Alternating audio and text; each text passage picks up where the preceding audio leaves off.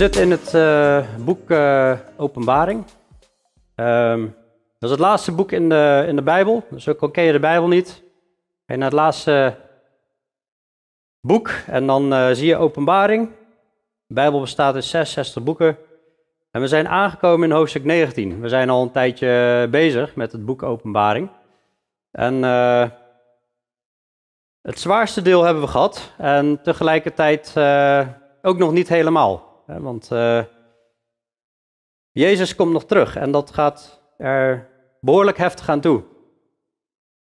Ik begin even met uh, vers 1, openbaring 19, hoofdstuk 19, vers, uh, vers 1. Hierna hoorde ik een luide stem van een grote menigte in de hemel zeggen: Halleluja, de zaligheid, de heerlijkheid, de eer en de kracht zij aan de Heere onze God. Nou ja, als er staat hierna, dan is er daarvoor dus iets gebeurd. Nou, daar hebben we al die tijd bij stilgestaan.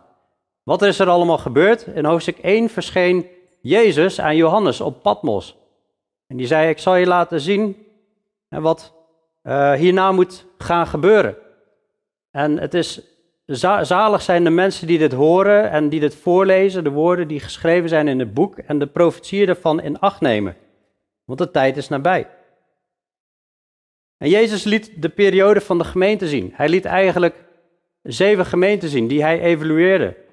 Waar er van alles en nog wat mis was. En de mensen moesten zich bekeren. De kerken moesten zich bekeren. Er waren eigenlijk maar twee van de zeven kerken die echt volledig in zijn wil wandelden. En met twee was het zeer, zeer extreem dramatisch gesteld. En met de anderen was wel iets goeds, maar moesten toch ook zich nog bekeren. Wat gebeurde er daarna? Hebben we gezien, dan ineens wordt Johannes opgenomen naar de troon. We geloven dat de opname daar heeft plaatsgevonden, er is een hele preek over. Maar in ieder geval dan worden er vele, vele rampen uitgevoerd over de aarde. De oordelen van God zijn dan aangebroken. Waar alle profeten die voor Jezus waren, we hebben, we hebben uh, ongeveer 30 profeten die, die, die uh, voorspellen over de, de toekomst en ook over de eindtijd, hoe het allemaal zal eindigen. Ik zal daar straks ook iets van laten zien. En door zeven zegels die geopend worden van de boekrol, vinden zeven reeksen met rampen plaats. En dan komen de zeven engelen met zeven bazuinen en die stoten die, bazuin, die blazen op die bazuinen en dan vinden weer extreme rampen plaats. En op het eind zijn er zeven engelen die zeven schalen uitgieten over de aarde. En dat zijn zeer, zeer extreme rampen, van dat alle bergen gewoon kapot vallen, eilanden zijn er niet meer. Hagelstenen van 40, 50 kilogram komen uit de lucht. Al het water verandert in bloed. is zeer, zeer ernstig.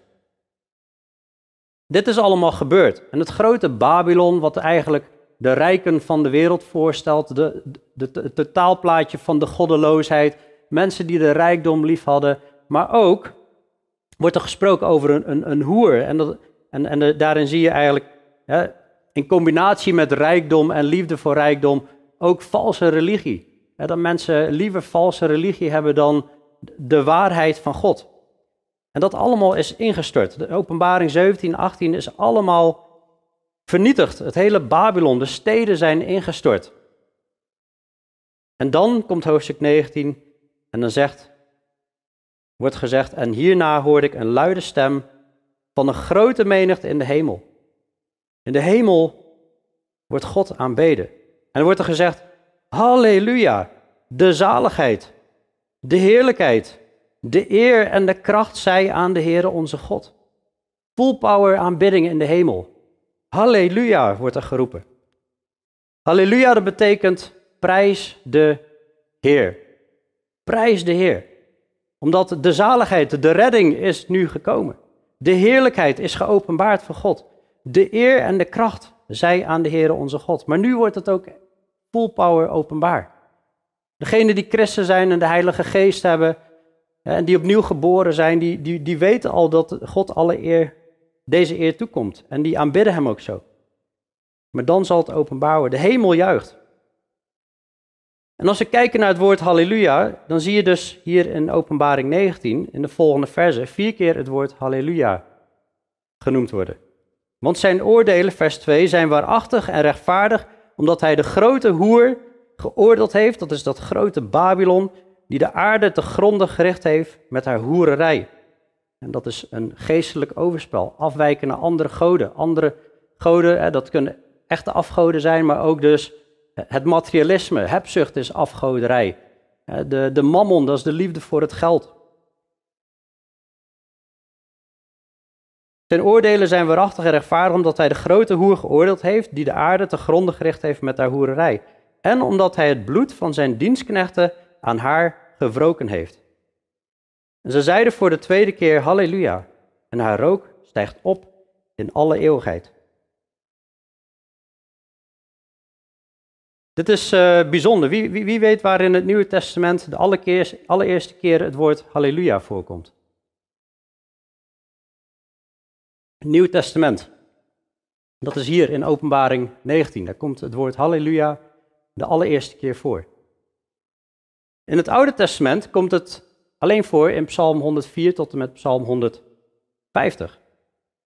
De allereerste keer dat het woord Halleluja voorkomt, dat is in Psalm 104, vers 35. En dat gaat over de grote werk van God en zijn schepping, maar dat eindigt met de zondaars zullen van de aarde verdwijnen en de goddelozen zullen niet meer zijn. Loof de Heere mijn ziel. Halleluja. Prijs de Heer. De eerste keer dat het woord halleluja voorkomt in de Bijbel is nadat gezegd wordt de zondaars zullen van de aarde verdwijnen. Wat is ons beeld van aanbidding? Van God prijzen. De tweede keer zien we in Psalm 105, volgende hoofdstuk in, uh, in de psalmen. En dan gaat het over de blijdschap dat het Gods volk gered is en de wetten van God in, in acht zou kunnen nemen. Halleluja wordt er gezegd, prijs de Heer. De derde keer is Psalm 106. Halleluja, loof de Heer, want Hij is goed. Zijn goede tierenheid is voor eeuwig. En dan lees je verder en dan zie je het ook weer dat het gelinkt is aan de uittocht van Egypte. De uittocht in Egypte wordt groots gevierd in, in het Oude Testament. Er zijn heel veel aanbiddingsliederen over. Hoe eigenlijk een volk vernietigd is, hoe de plagen over Egypte gekomen zijn. Maar nadat de grote verdrukking geweest is, het einde van de aarde, zeg maar, of het einde van Gods oordelen, dan zal de aanbidding, geloof ik, zijn halleluja. En nu zien we de, opnieuw de grootheid van God getoond in zijn werken en hoe hij geoordeeld heeft met alle goddeloosheid en al het onrecht. En dan in, in Openbaring 19, dat is de enige plek waar je, waar je ziet oh, dat halleluja gezegd wordt, prijs de Heer gezegd wordt, gebruikt wordt. En, en dat is gelinkt aan de oordelen van God. Ze zeiden voor de tweede keer vers 3, halleluja, en haar rook stijgt op in alle eeuwigheid. Als je daarover nadenkt, denk je, zo, ik, ik, ik, ik kan me niet herinneren dat ik ooit een, een lied heb gezongen. Jeremy, is er, is er een, een lied ergens in de christelijke wereld die gaat over halleluja en dat we God aanbidden voor de rook die opstijgt in alle eeuwigheid van de goddelozen. Denk je, jongen, jongen, volgens mij moeten we onze aanbidding wat bijstellen. Hè? En natuurlijk zijn we niet blij dat mensen vernietigd worden, maar dit gaat over dat, dat Gods recht en gerechtigheid zegeviert. God heeft zoveel getrokken aan mensen en nu, door al hun halstarrigheid, zijn ze vernietigd. En dit raakt ons, dit raakt mij, het raakt Brian, zoals we net hoorden, dat mensen verloren gaan, ook mensen die wij lief hebben. Maar hoe, hoe kun je nou zo halleluja zeggen, terwijl er net allemaal mensen vernietigd zijn? Volgens mij kan dat alleen maar als wij, en we hebben het er al eerder over gehad, beseffen hoe groot de heiligheid van God is. In Openbaring 4 en 5 hebben we gezien hoe het eraan toe ging rondom de troon, dat daar die vier dieren zitten. Die continu niks anders zeggen dan heilig, heilig, heilig is de Heere God Almachtig, die was en die is en die komt. Op een of andere manier zie je Gods heerlijkheid en kleuren van de regenboog en bliksems rondom die troon. Als Jesaja een, een ontmoeting heeft met God en hij ziet de, de heerlijkheid in Jesaja 6, hij ziet de heerlijkheid van God in de tempel, het allereerste wat hij zegt, O Heer, ik ben een man van onreine lippen. Hij ziet die heerlijkheid, die puurheid, die volmaaktheid van God. En hij kan niks anders doen dan, dan, dan zijn zonden beleiden. Maar God reinigt hem. En ik denk als wij die grootheid van God zien, ik denk dat wij gewoon nog maar een fractie kunnen beseffen van hoe heilig hij is en, en hoe heerlijk hij is. Zijn heiligheid en heerlijkheid staat continu gekoppeld aan elkaar. Hoe glorieus en glansrijk hij is. En, en, en, dan, en dan wordt in de hemel gezegd, halleluja. Zo'n extreem contrast, die heiligheid, die puurheid van God en de opstand en goddeloosheid van de mensen hier. En de 24 ouderlingen en de vier dieren wierpen zich neer. Die 24 ouderlingen hebben we eerder gezien. Geloven dat dat de gemeente is. Als je de verschillende groepen ziet in openbaring, geloven dat dat de gemeente is. Daar hebben we in het begin bij stilgestaan. Openbaring 4 en 5, ook bij de preek over de opname. Die vier dieren zie je weer en die, en die werpen zich neer. En die aanbidden God, die op de troon zit en zeiden, Amen, Halleluja. En er kwam een stem uit de troon en die zei, Loof onze God, al zijn dienstknechten, en die hem vrezen, kleinen en groten. En als we alles zien wat zich in de openbaring voltrekt, dan mogen we hem ook vrezen. Als wij beseffen hoe de Bijbel in elkaar zit en je leest door die Bijbel heen, toen ik voor het eerst de hele Bijbel las, en ik ging door die profeten, dan denk je echt, man, man, man. Continu roepen ze op, bekeer je, bekeer je, bekeer je. Nou, soms bekeert dat volk van God zich en dan wijken ze weer af. En dan komt er weer een nieuwe profeet, bekeer je, bekeer je. En het gaat de hele tijd maar door. Maar bijna 600 keer, bijna 600 keer in het Oude Testament wordt gesproken over de toorn van God. Hoe mensen de toorn van God verwekken. Bijna 600 keer. En dan zeggen mensen nog, ja, maar in het Nieuwe Testament dan is het allemaal anders. Dan is God weer anders geworden. Dat gaat over de genade. Nou ja, lees het boek Openbaring. Het gaat ook over genade, gelukkig maar. Hè? Dat is de prachtige kant.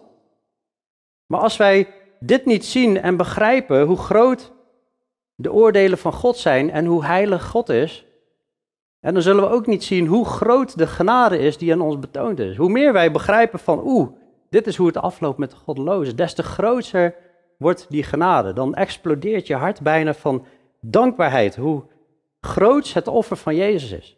En wat wij hier vieren met het avondmaal, waar we, waar we dan aan terugdenken. Het is zo'n enorme zegen. En er kwam een stem uit de troon die zei, loof onze God. Al zijn dienstknechten, dat zijn wij ook.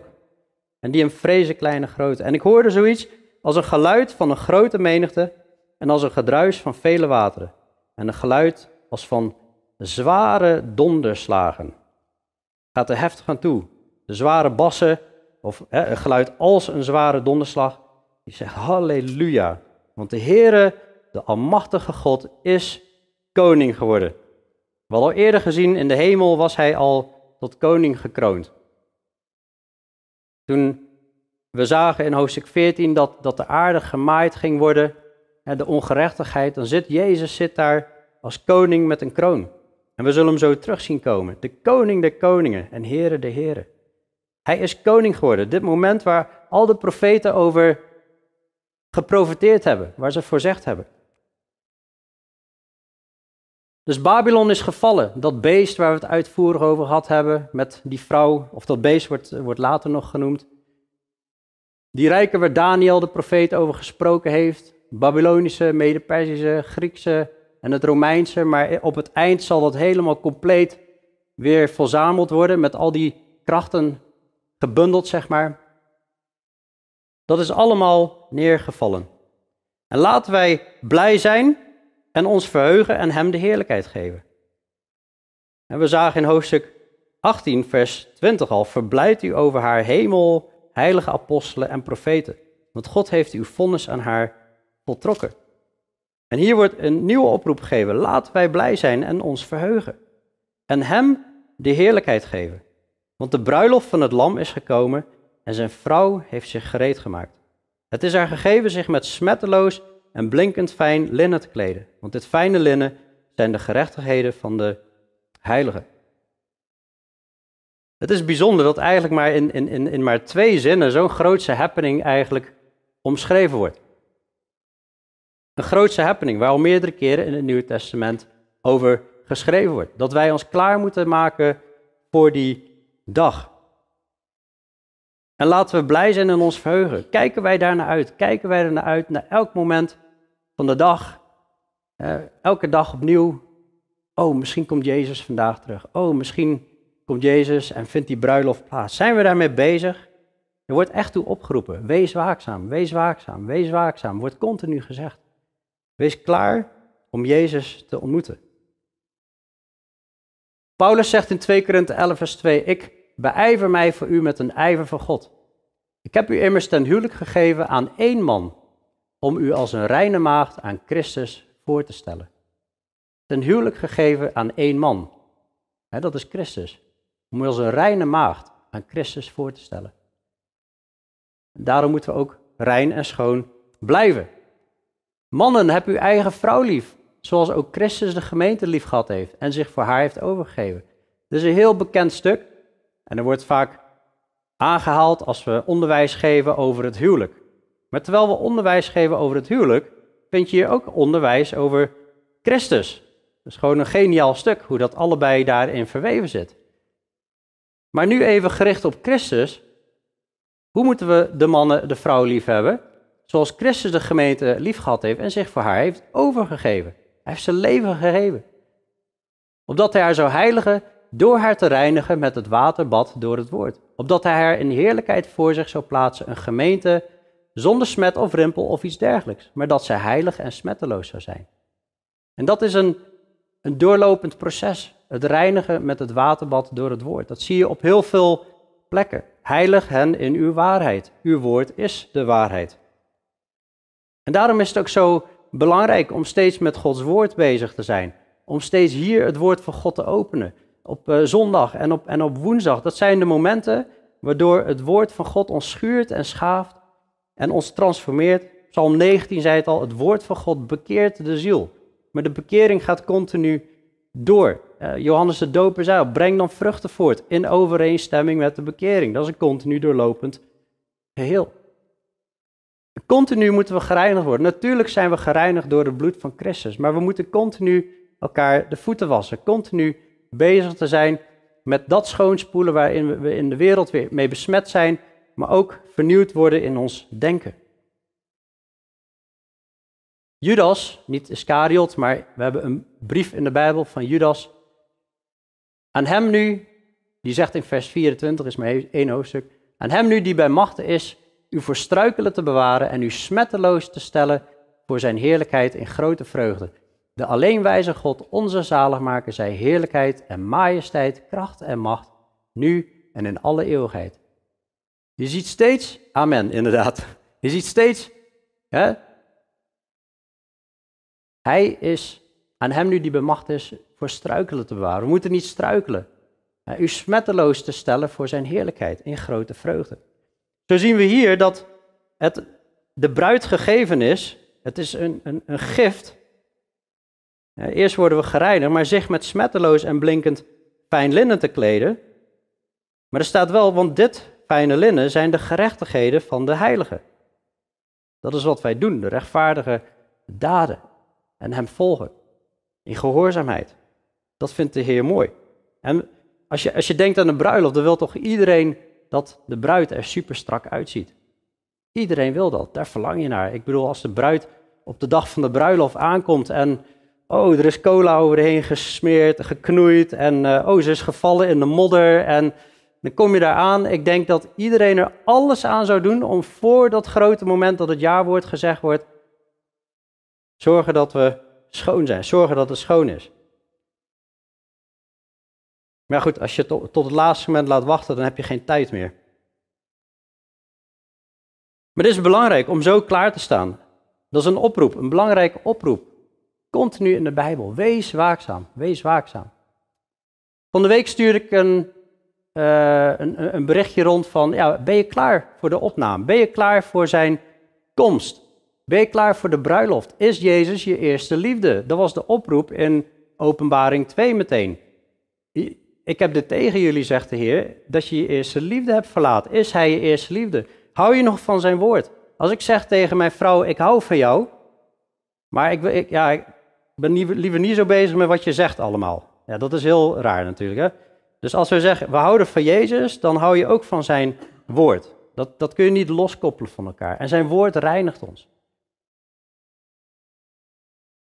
Laten we ons in aanbidding in geest en waarheid voorbereiden, elke dag. Zal God ons vinden terwijl we de kantjes ervan aflopen als zijn dienstknechten, Of misschien zelfs in zonde? Of vindt hij ons terwijl we hem dienen en volop hem verheerlijken door ons leven in liefde, in gebed, in zijn woord en dat in acht nemen? Dat is full power zijn liefde ervaren. Dat hebben we woensdag gezien in Johannes 14. En dat is de liefde tot God, zijn geboden in acht nemen, vanuit het geloof natuurlijk. En zijn geboden zijn geen zware last. Dat is juist ten goede voor ons. Stond al in Deuteronomium 12. De geboden van de Heer die zijn voor ons ten goede, zodat het u en uw kinderen goed gaat. Sommigen denken dat Gods geboden zwaar zijn. Wat is het toch zwaar om te scheiden en je hele familie te vernietigen? Wat is het toch zwaar om een vrouw te begeren in je hart en je vrouw te kwetsen? Wat is het toch zwaar om niet te hoeven stelen en anderen pijn te doen en te kwetsen? Die geboden zijn allemaal ten goede voor de mensen. God wil dat we in liefde wandelen. Maar de gerechtigheden van de heilige, dat is trouw zijn aan zijn woord, hem dienen, hier in de gemeente, liefdevol zijn naar anderen, je vijanden liefhebben enzovoort. En hij zei tegen mij, schrijf, zalig zijn zij die geroepen zijn tot het avondmaal van de bruiloft van het lam. En hij zei tegen mij, dit zijn de waarachtige woorden van God. Nu geloof ik persoonlijk dat Je hebt de bruiloft van het lam. Dat het lam, dat is Jezus, trouwt met zijn vrouw, de gemeente. Maar dat er ook nog genodigden zijn. Zalig zijn zij die geroepen zijn tot het avondmaal van de bruiloft van het lam. Ik geloof dat er ook nog mensen uitgenodigd zijn om deel te nemen. Je hebt altijd bezoekers bij een bruiloft. En ik geloof dat dat alle gelovigen zijn buiten de gemeenteperiode. Vanaf de uitstorting van de Heilige Geest is de gemeente ontstaan het lichaam van Christus, tot de opname loopt dat. En ik geloof dat de genodigden, dat dat Abraham en Isaac en Jacob zijn en de mensen ook uit de grote verdrukking. Johannes de Doper die zei al, wie de bruid heeft, is de bruidegom. Maar de vriend van de bruidegom die erbij staat en hem hoort, verblijdt zich over de stem van de bruidegom. Deze blijdschap van mij nu is volkomen. Johannes de Doper noemt zich vriend van de bruidegom. Hij, hij, hij rekent zich niet tot de bruid. Hij staat erbij. En wie hem hoort, verblijdt zich over de stem van de bruidegom. Deze blijdschap van mij nu is volkomen geworden. We zien ook teksten als in Matthäus 11, eh, vers 11, waarin Jezus zegt: Voorwaar, ik zeg u, onder hen die uit de vrouwen geboren zijn, is niemand opgestaan die groter is dan Johannes de Doper. Jezus zegt dat Johannes de Doper een grootste profeet was. Niemand was groter. Hij was de wegbereider van de Heer Jezus. Maar wie de minste is in het koninkrijk de hemelen, het koninkrijk de hemelen is de gemeente, zie je in Matthäus 16, die is groter dan hij. Ik denk dat wij half niet beseffen hoe bevoorrecht wij zijn waar wij in terecht zijn gekomen. Dat we de, de, dat we de vrouw van Christus genoemd mogen worden dat in de koninkrijk de hemelen, dat, dat, dat, er staat, we zijn groter dan Johannes de Doper en, en wat ook groter dan Mozes en al die profeten. Ik besef dat niet. Maar dat moeten we wel beseffen en dan gaat dat als goed is iets doen met ons. Dit zijn de waarachtige woorden van God. Woorden van waarheid. Johannes, de apostel die dit allemaal hoort, vers 10, die is diep onder de indruk. Ik viel voor zijn voeten neer. Er zijn, dat is een engel, ik viel voor zijn voeten neer om hem te aanbidden. Maar hij zei tegen mij, pas op dat u dat niet doet. Wij aanbidden geen engelen. Ik ben een mededienstknecht van u en van uw broeders die het getuigenis van Jezus hebben. Aanbid God. Het getuigenis van Jezus is namelijk de geest van de profetie. Dit is zo'n krachtige zin. En alle profetieën die wij vinden in de Bijbel, dat wijst op een of andere manier allemaal naar Jezus of naar de heerlijkheid van God. Als het nou gaat over de koning die komt, maar ook over de oordelen. Daarmee geloof ik ook dat we de Bijbel niet moeten gebruiken als een boekje om versen te plukken. What's in it for me? Je hebt tegenwoordig van die apps, Bijbellees-apps. Nou, dan kun je zelf een, een menu kiezen of een bepaald onderwerp waar je doorgaat. Dan krijg je allemaal fijne teksten die misschien over jou lijken te gaan. Maar getuigenis van Jezus is de geest van de profetie. Profetieën gaan over Jezus. Het gaat niet over ons, het gaat over Jezus. Zijn wij, zijn wij onderdeel van Gods reddingsplan? Ja, natuurlijk. Maar het gaat over Jezus. En ik zag de hemel geopend en zie een wit paard. En hij die daarop zat werd getrouw en waarachtig genoemd. En hij oordeelt en voert oorlog in gerechtigheid. Dit is het moment. Dit is het moment waar de wereld, waar de profeten op hebben gewacht. De terugkomst van Jezus. Jezus gaat op een dag terugkomen. En dat gaat er heftig aan toe. Overigens voor mensen die zich afvragen of er dieren zijn in de hemel, hier komt dus een paard naar beneden. Maar goed, dat, is een heel klein detail. Maar uh, we hebben ook nog die, die vier dieren die om de troon zitten en zo. Hele aparte dieren overigens. Maar nou, ik denk niet dat dat de kern is waar het hier om gaat. Maar ik zag de hemel geopend en zie een wit paard. En hij die erop zat, werd getrouw en waarachtig genoemd. Hij oordeelt en voert oorlog in gerechtigheid. Al die rampen was nog niet het einde. Er is nog een groot leger wat strijdt tegen Israël en wat strijdt tegen Jezus. Maar die naam, hij werd getrouw en waarachtig genoemd. We zullen zo zien dat hij het woord van God heet. Dat hij koning der koningen is en here der heren. En dat is onze Heer en Verlosser. Die gaat zich full power openbaren. In 2 Timotheüs 2 vers 12 lezen we, dit is een betrouwbaar woord. Want als wij met hem gestorven zijn, zullen wij met hem leven. Als wij volharden, zullen wij ook met hem regeren. Als wij hem verlogenen, zal hij ons ook verlogenen. Als wij ontrouw zijn, blijft hij getrouw. Hij kan zichzelf niet verlogenen. Wat hebben wij een trouwe Heer, ook al falen wij. Hij wordt getrouw en waarachtig genoemd. Dit is voorzegd dat hij gaat komen en dit komt nu uit. Hij is getrouw en waarachtig.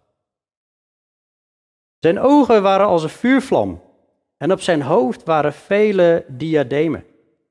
En hij had een naam die opgeschreven was en die niemand kent dan hijzelf. Hij was bekleed met een in bloed gedoopt bovenkleed en zijn naam luidt het woord van God.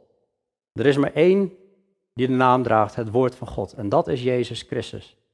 Johannes 1 vers 1 staat, in het begin was het woord en het woord was bij God en het woord was God. Dit was in het begin bij God. Zonder hem is geen ding geschapen wat geschapen is.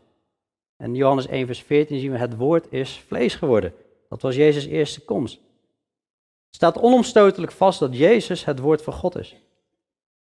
Maar die ogen, als een vuurvlam, als een of andere nucleaire kracht in Zacharia 13, dan, 14, eh, dan, dan, lezen we dat de, de, de mensen zullen daar staan en hun oogkassen zullen gewoon, hun ogen zullen in hun oogkassen gewoon weggeteerd worden.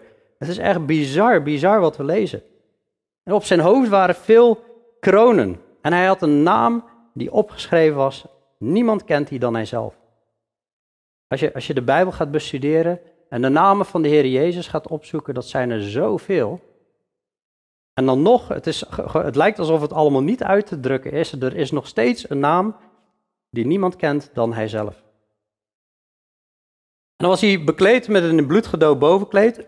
Ik kan niet alles erbij halen, maar in Jesaja 63 zie je een soort parallel verhaal. Over de Heer die komt op een paard en in bloed gedoopt bovenkleed. En dan zie je dat dat ja, eigenlijk is van het bloed van die vijanden. Hoe die helemaal eh, doordrenkt wordt. En hij is het woord van God. Jezaja 55 hebben we de bekende tekst dat het woord van God zal nooit leeg terugkeren. Het zal doen waar het toe bestemd is. Als wij gaan evangeliseren, soms stellen mensen wel vragen, ja, werkt het nou? Ja, komen er dan ook mensen naar de kerk? Weet je, het is een opdracht van de Heer om dat te doen. En wat Hij ermee doet, dat is aan God. Maar het zal niet leeg terugkeren. Of iemand bekeert zich, of het woord van God komt terug naar hem en hij wordt geoordeeld. Het woord van God zal niet leeg terugkeren. En de legers in de hemel volgden hem op witte paarden.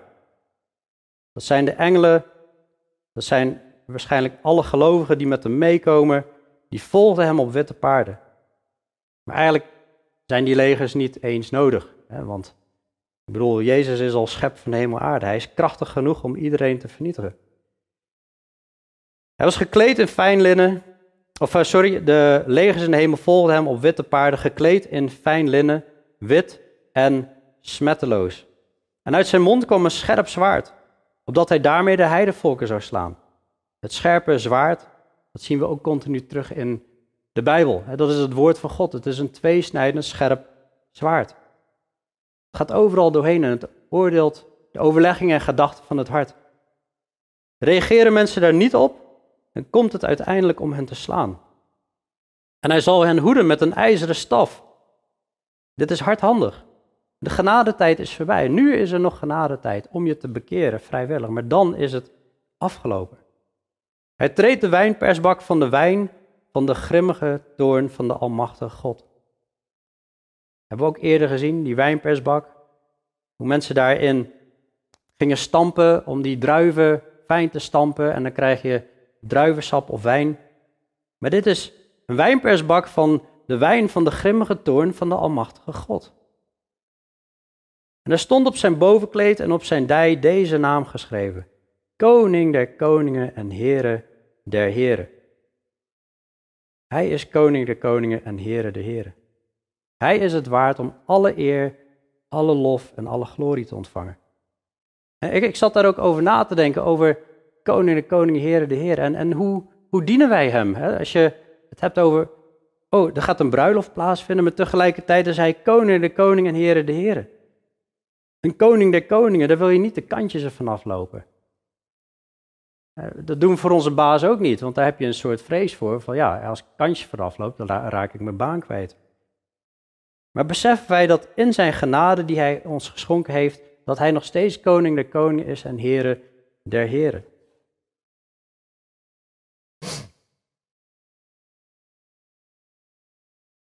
Ik, ik, lees nog even een paar versen en dan laat ik nog wat profetie uit het Oude Testament zien. Ik zag een engel dicht bij de zon staan en hij riep met luide stem naar alle vogels die hoog aan de hemel vlogen: Kom en verzamel u voor het avondmaal van de grote God, om te eten vlees van koningen, vlees van oversten over duizend, vlees van machtigen, vlees van paarden en van hen die daarop zitten, vlees van alle vrije en van slaven, kleinen en grote.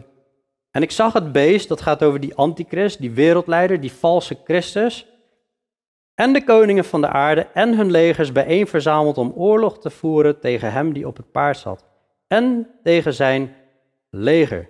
Hoe halen ze in het hoofd, denk je, bij jezelf? Hoe halen ze in het hoofd zo'n halstarrigheid, zo'n misleiding, zo'n verharding om te strijden tegen de Heere, de Heere en Koning, de Koning?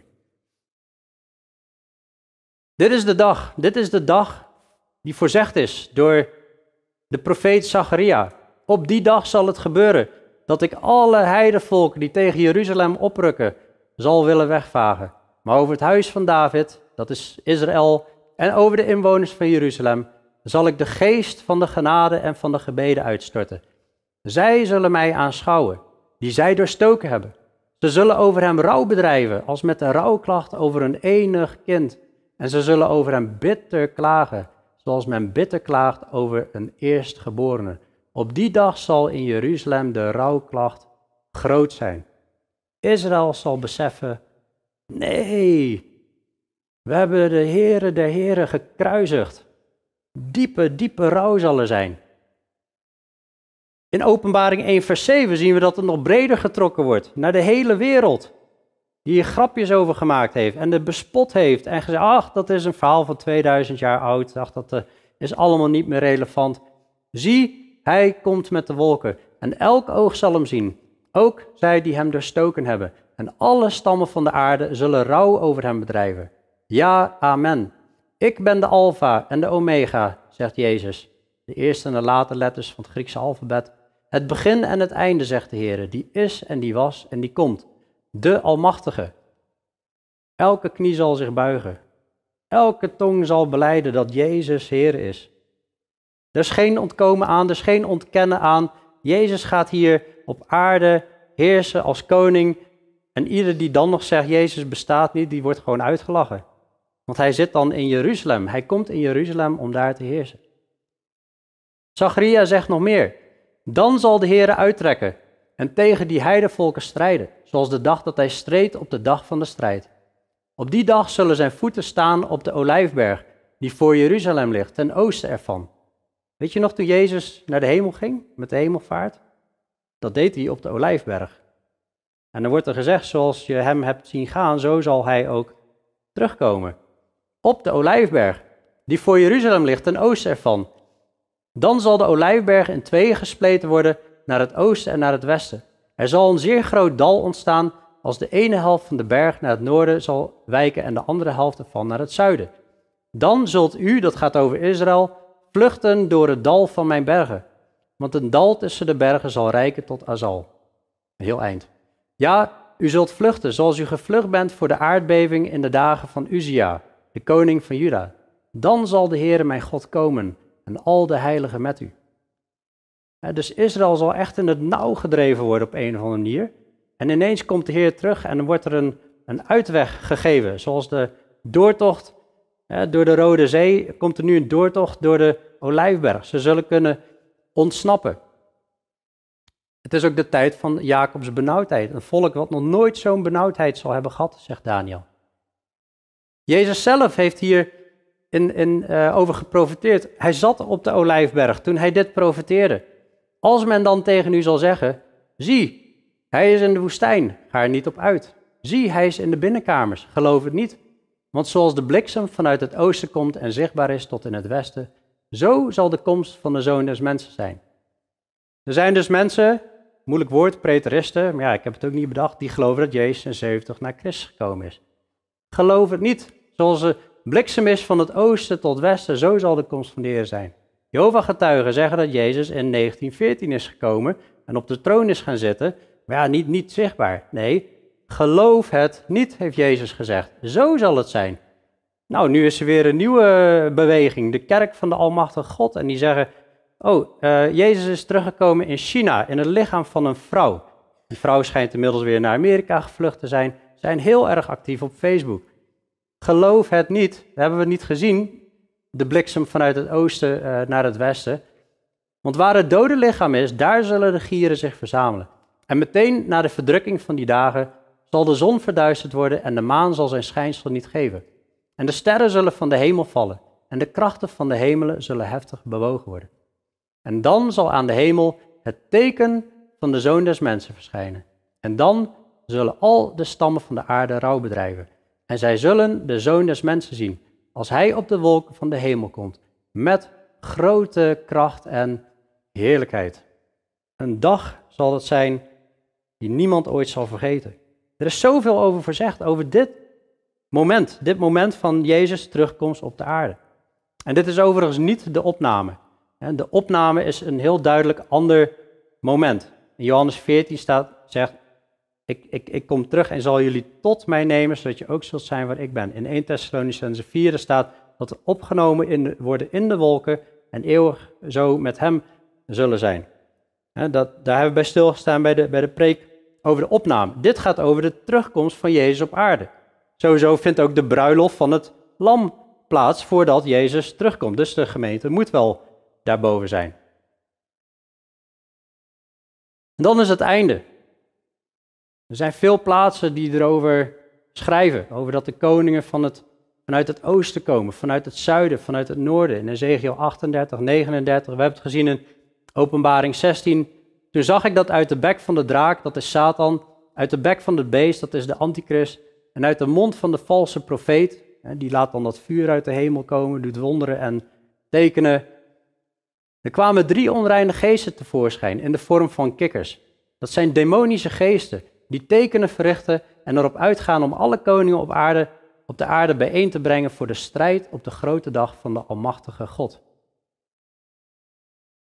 En Zacharia eindigt in, in hoofdstuk 14, of eindigt daar niet mee, maar in, in vers 9 staat, de Heere zal koning worden over heel de aarde. Op die dag zal de Heere de enige zijn en zijn naam de enige. Het is een groot moment dat iedereen zal weten dat Jezus Heer is. Maar het is ook een triest moment. De legers zullen weggevaagd worden. We hebben gelezen dat het, bloed zal rijken tot aan de tomen van de paarden, zo, zo hoog, over 300 kilometer, in ieder geval tot aan, hè, of het overal zo hoog is, maar verschrikkelijk bloedbad. Het is echt verschrikkelijk dit. Zorg dat je Jezus kent als je persoonlijke verlosser. Hier, hier wil je echt niet bij zijn. Niet, niet aan de verkeerde kant, hè, dat bedoel ik. En dan wordt dat beest in vers 20, dat wordt gegrepen. En met hem de valse profeet, die in zijn tegenwoordigheid de tekenen gedaan had, waardoor hij hen misleid had die het merkteken van het beest ontvangen hadden en die zijn beeld aanbeden hadden. Deze twee werden levend geworpen in de poel van vuur, die van zwavel brandt.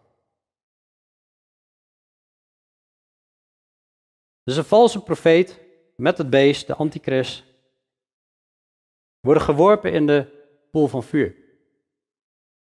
Eigenlijk zoals die twee profeten van God die we eerder gezien hebben, die vuurspuwende profeten waar vuur uit hun mond kwam, die elke plaag en teken konden doen op aarde, die werden op een gegeven moment gedood, stonden weer op, werden naar de hemel genomen. Levend gingen ze naar de hemel. Zo gaan eigenlijk de antichrist en de valse profeet eigenlijk levend naar de poel van vuur. De poel van vuur, geloof ik, is op dit moment nog leeg. De poel van vuur is iets anders dan de hel, die zich in het dodenrijk bevindt. Maar dan zullen deze als eerste daar levend ingegooid worden. We zullen namelijk in hoofdstuk 20 zien en dat het grote oordeel voor de troon van God gaat plaatsvinden. En als iemands naam niet geschreven is in het boek des levens, wordt hij geworpen in de poel van vuur. Die eigenlijk voor de engelen, of de, de demonen en de duivel bestemd is. Maar als je God niet volgt, dan is, is dit je einde. Harde taal. Maar God wil je juist genadig zijn. Hij wil je meenemen naar die plaats. Daar gaan we erover lezen in de openbaring. Waar alle tranen van de ogen gewist worden. Waar geen moeite is. Waar geen pijn is. Waar vrede is. Waar Jezus is. Ik zal volgende keer er iets meer over vertellen. Over, over de onderscheid tussen het dodenrijk en de poel van vuur. En de overigen werden gedood met het zwaard van hem die op het paard zat, namelijk het zwaard dat uit zijn mond kwam.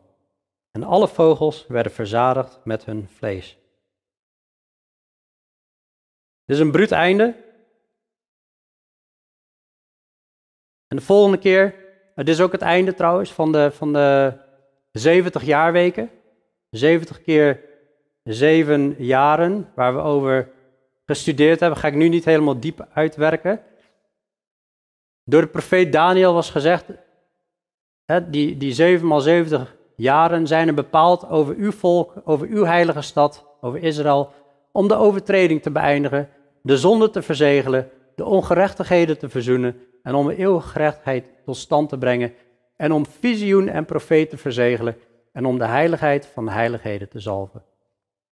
Het einde daarvan, dat, dat, dat zien we hier eigenlijk in vervulling gaan. En nu gaat God weer zijn plan uitwerken met het volk Israël. We zullen volgende keer wat meer naar kijken. En dan gaan we volgende keer hebben over het duizendjarig vrederijk. Er wordt zes keer gesproken over een periode van duizend jaar. En hoe dat matcht met wat profeten daar weer over gezegd hebben in het uh, Oude Testament. Maar dit is het moment dat de aarde gereinigd wordt. Voordat Jezus kan zitten als koning, moet alle ongerechtigheid hier weg zijn. Alle zonden, alle zondaars moeten weg zijn voor Jezus, die heilig is, hier als koning kan komen zitten en heersen. En wij hebben een hemelse bestemming. Israël heeft de aardse bestemming. En dan wordt de aarde wordt weer opnieuw opgebouwd.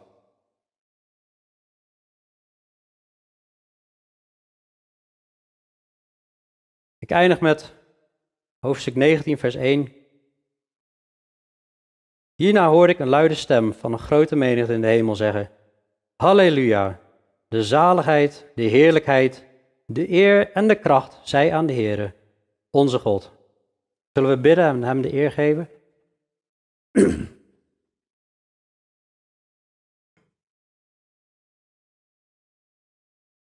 Heer Jezus, we prijzen uw naam. We danken u, Heer, voor alles wat u gegeven hebt. We danken u voor uw zoon, Vader. We danken u voor de Heilige Geest waarmee we verzegeld zijn. We danken u dat we kinderen van u genoemd mogen worden. We danken u voor uw genade en uw barmhartigheid. Voor uw grote liefde die u aan ons openbaart. En voor de openbaring van Jezus Christus in dit boek. Dat we zien waar we van gered zijn. Heer, dan barst ons hart van dankbaarheid en genade. En als we, als we kijken hoe we straks deel mogen hebben aan, aan, aan die bruiloft, Heer. Wat een rijkdom, wat een zegeningen. En dan spreekt u ook nog over schatten die we kunnen verzamelen in de hemel. als we u dienen. Heer, wat een rijkdom die u geeft. Wilt u er, ja, zo ieders hart hier openen en, en geven dat ze u zullen aannemen, in u geloven en hun vertrouwen op u stellen, vergeving vragen. Heer, dank u wel voor uw grote macht en heerlijkheid, waar, waar u in de toekomst gaat laten zien dat er gewoon niet te spotten valt met u. Koning de koning en Heere de Heere. We aanbidden u en we prijzen u almachtige naam. En help ons te wandelen waardig in de roeping waarmee we geroepen zijn. Heer, om straks helemaal schoon en zuiver en puur voor u te staan. En te beseffen, zoals Hebreeën 10 zegt, dat, dat onze God, dat u een verterend vuur bent. En dat we onze vrijmoedigheid niet weg moeten gooien. Heer, help ons om vrijmoedig te spreken als we dit allemaal lezen. Om anderen te bereiken. Heer, en uh, om niet verlegen te zijn en, en, en gewoon lak te hebben aan de angsten die wij hebben. Dat mensen verloren gaan, Heer, dat is zo belangrijk. Geef die vrijmoedigheid, Heer. Zoals we steeds in de Bijbel zien, wanneer mensen vervuld zijn met uw geest, Heer, dat ze gaan spreken over u.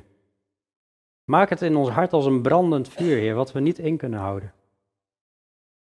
Deze vrachtwagen die vol op de mensenmassa eh, in gaat rijden, op de mensheid. Heer, help ons om hun te bereiken. Maak harten week en geef mensen een, verlangen om u te zoeken. Familie, vrienden, kennissen, collega's, Heer, gebruik ons als uw kanaal. Heer, en ondertussen is, is de aanbidding en en de dank is groot. Heer, we prijzen u in Jezus' naam. Amen. Amen.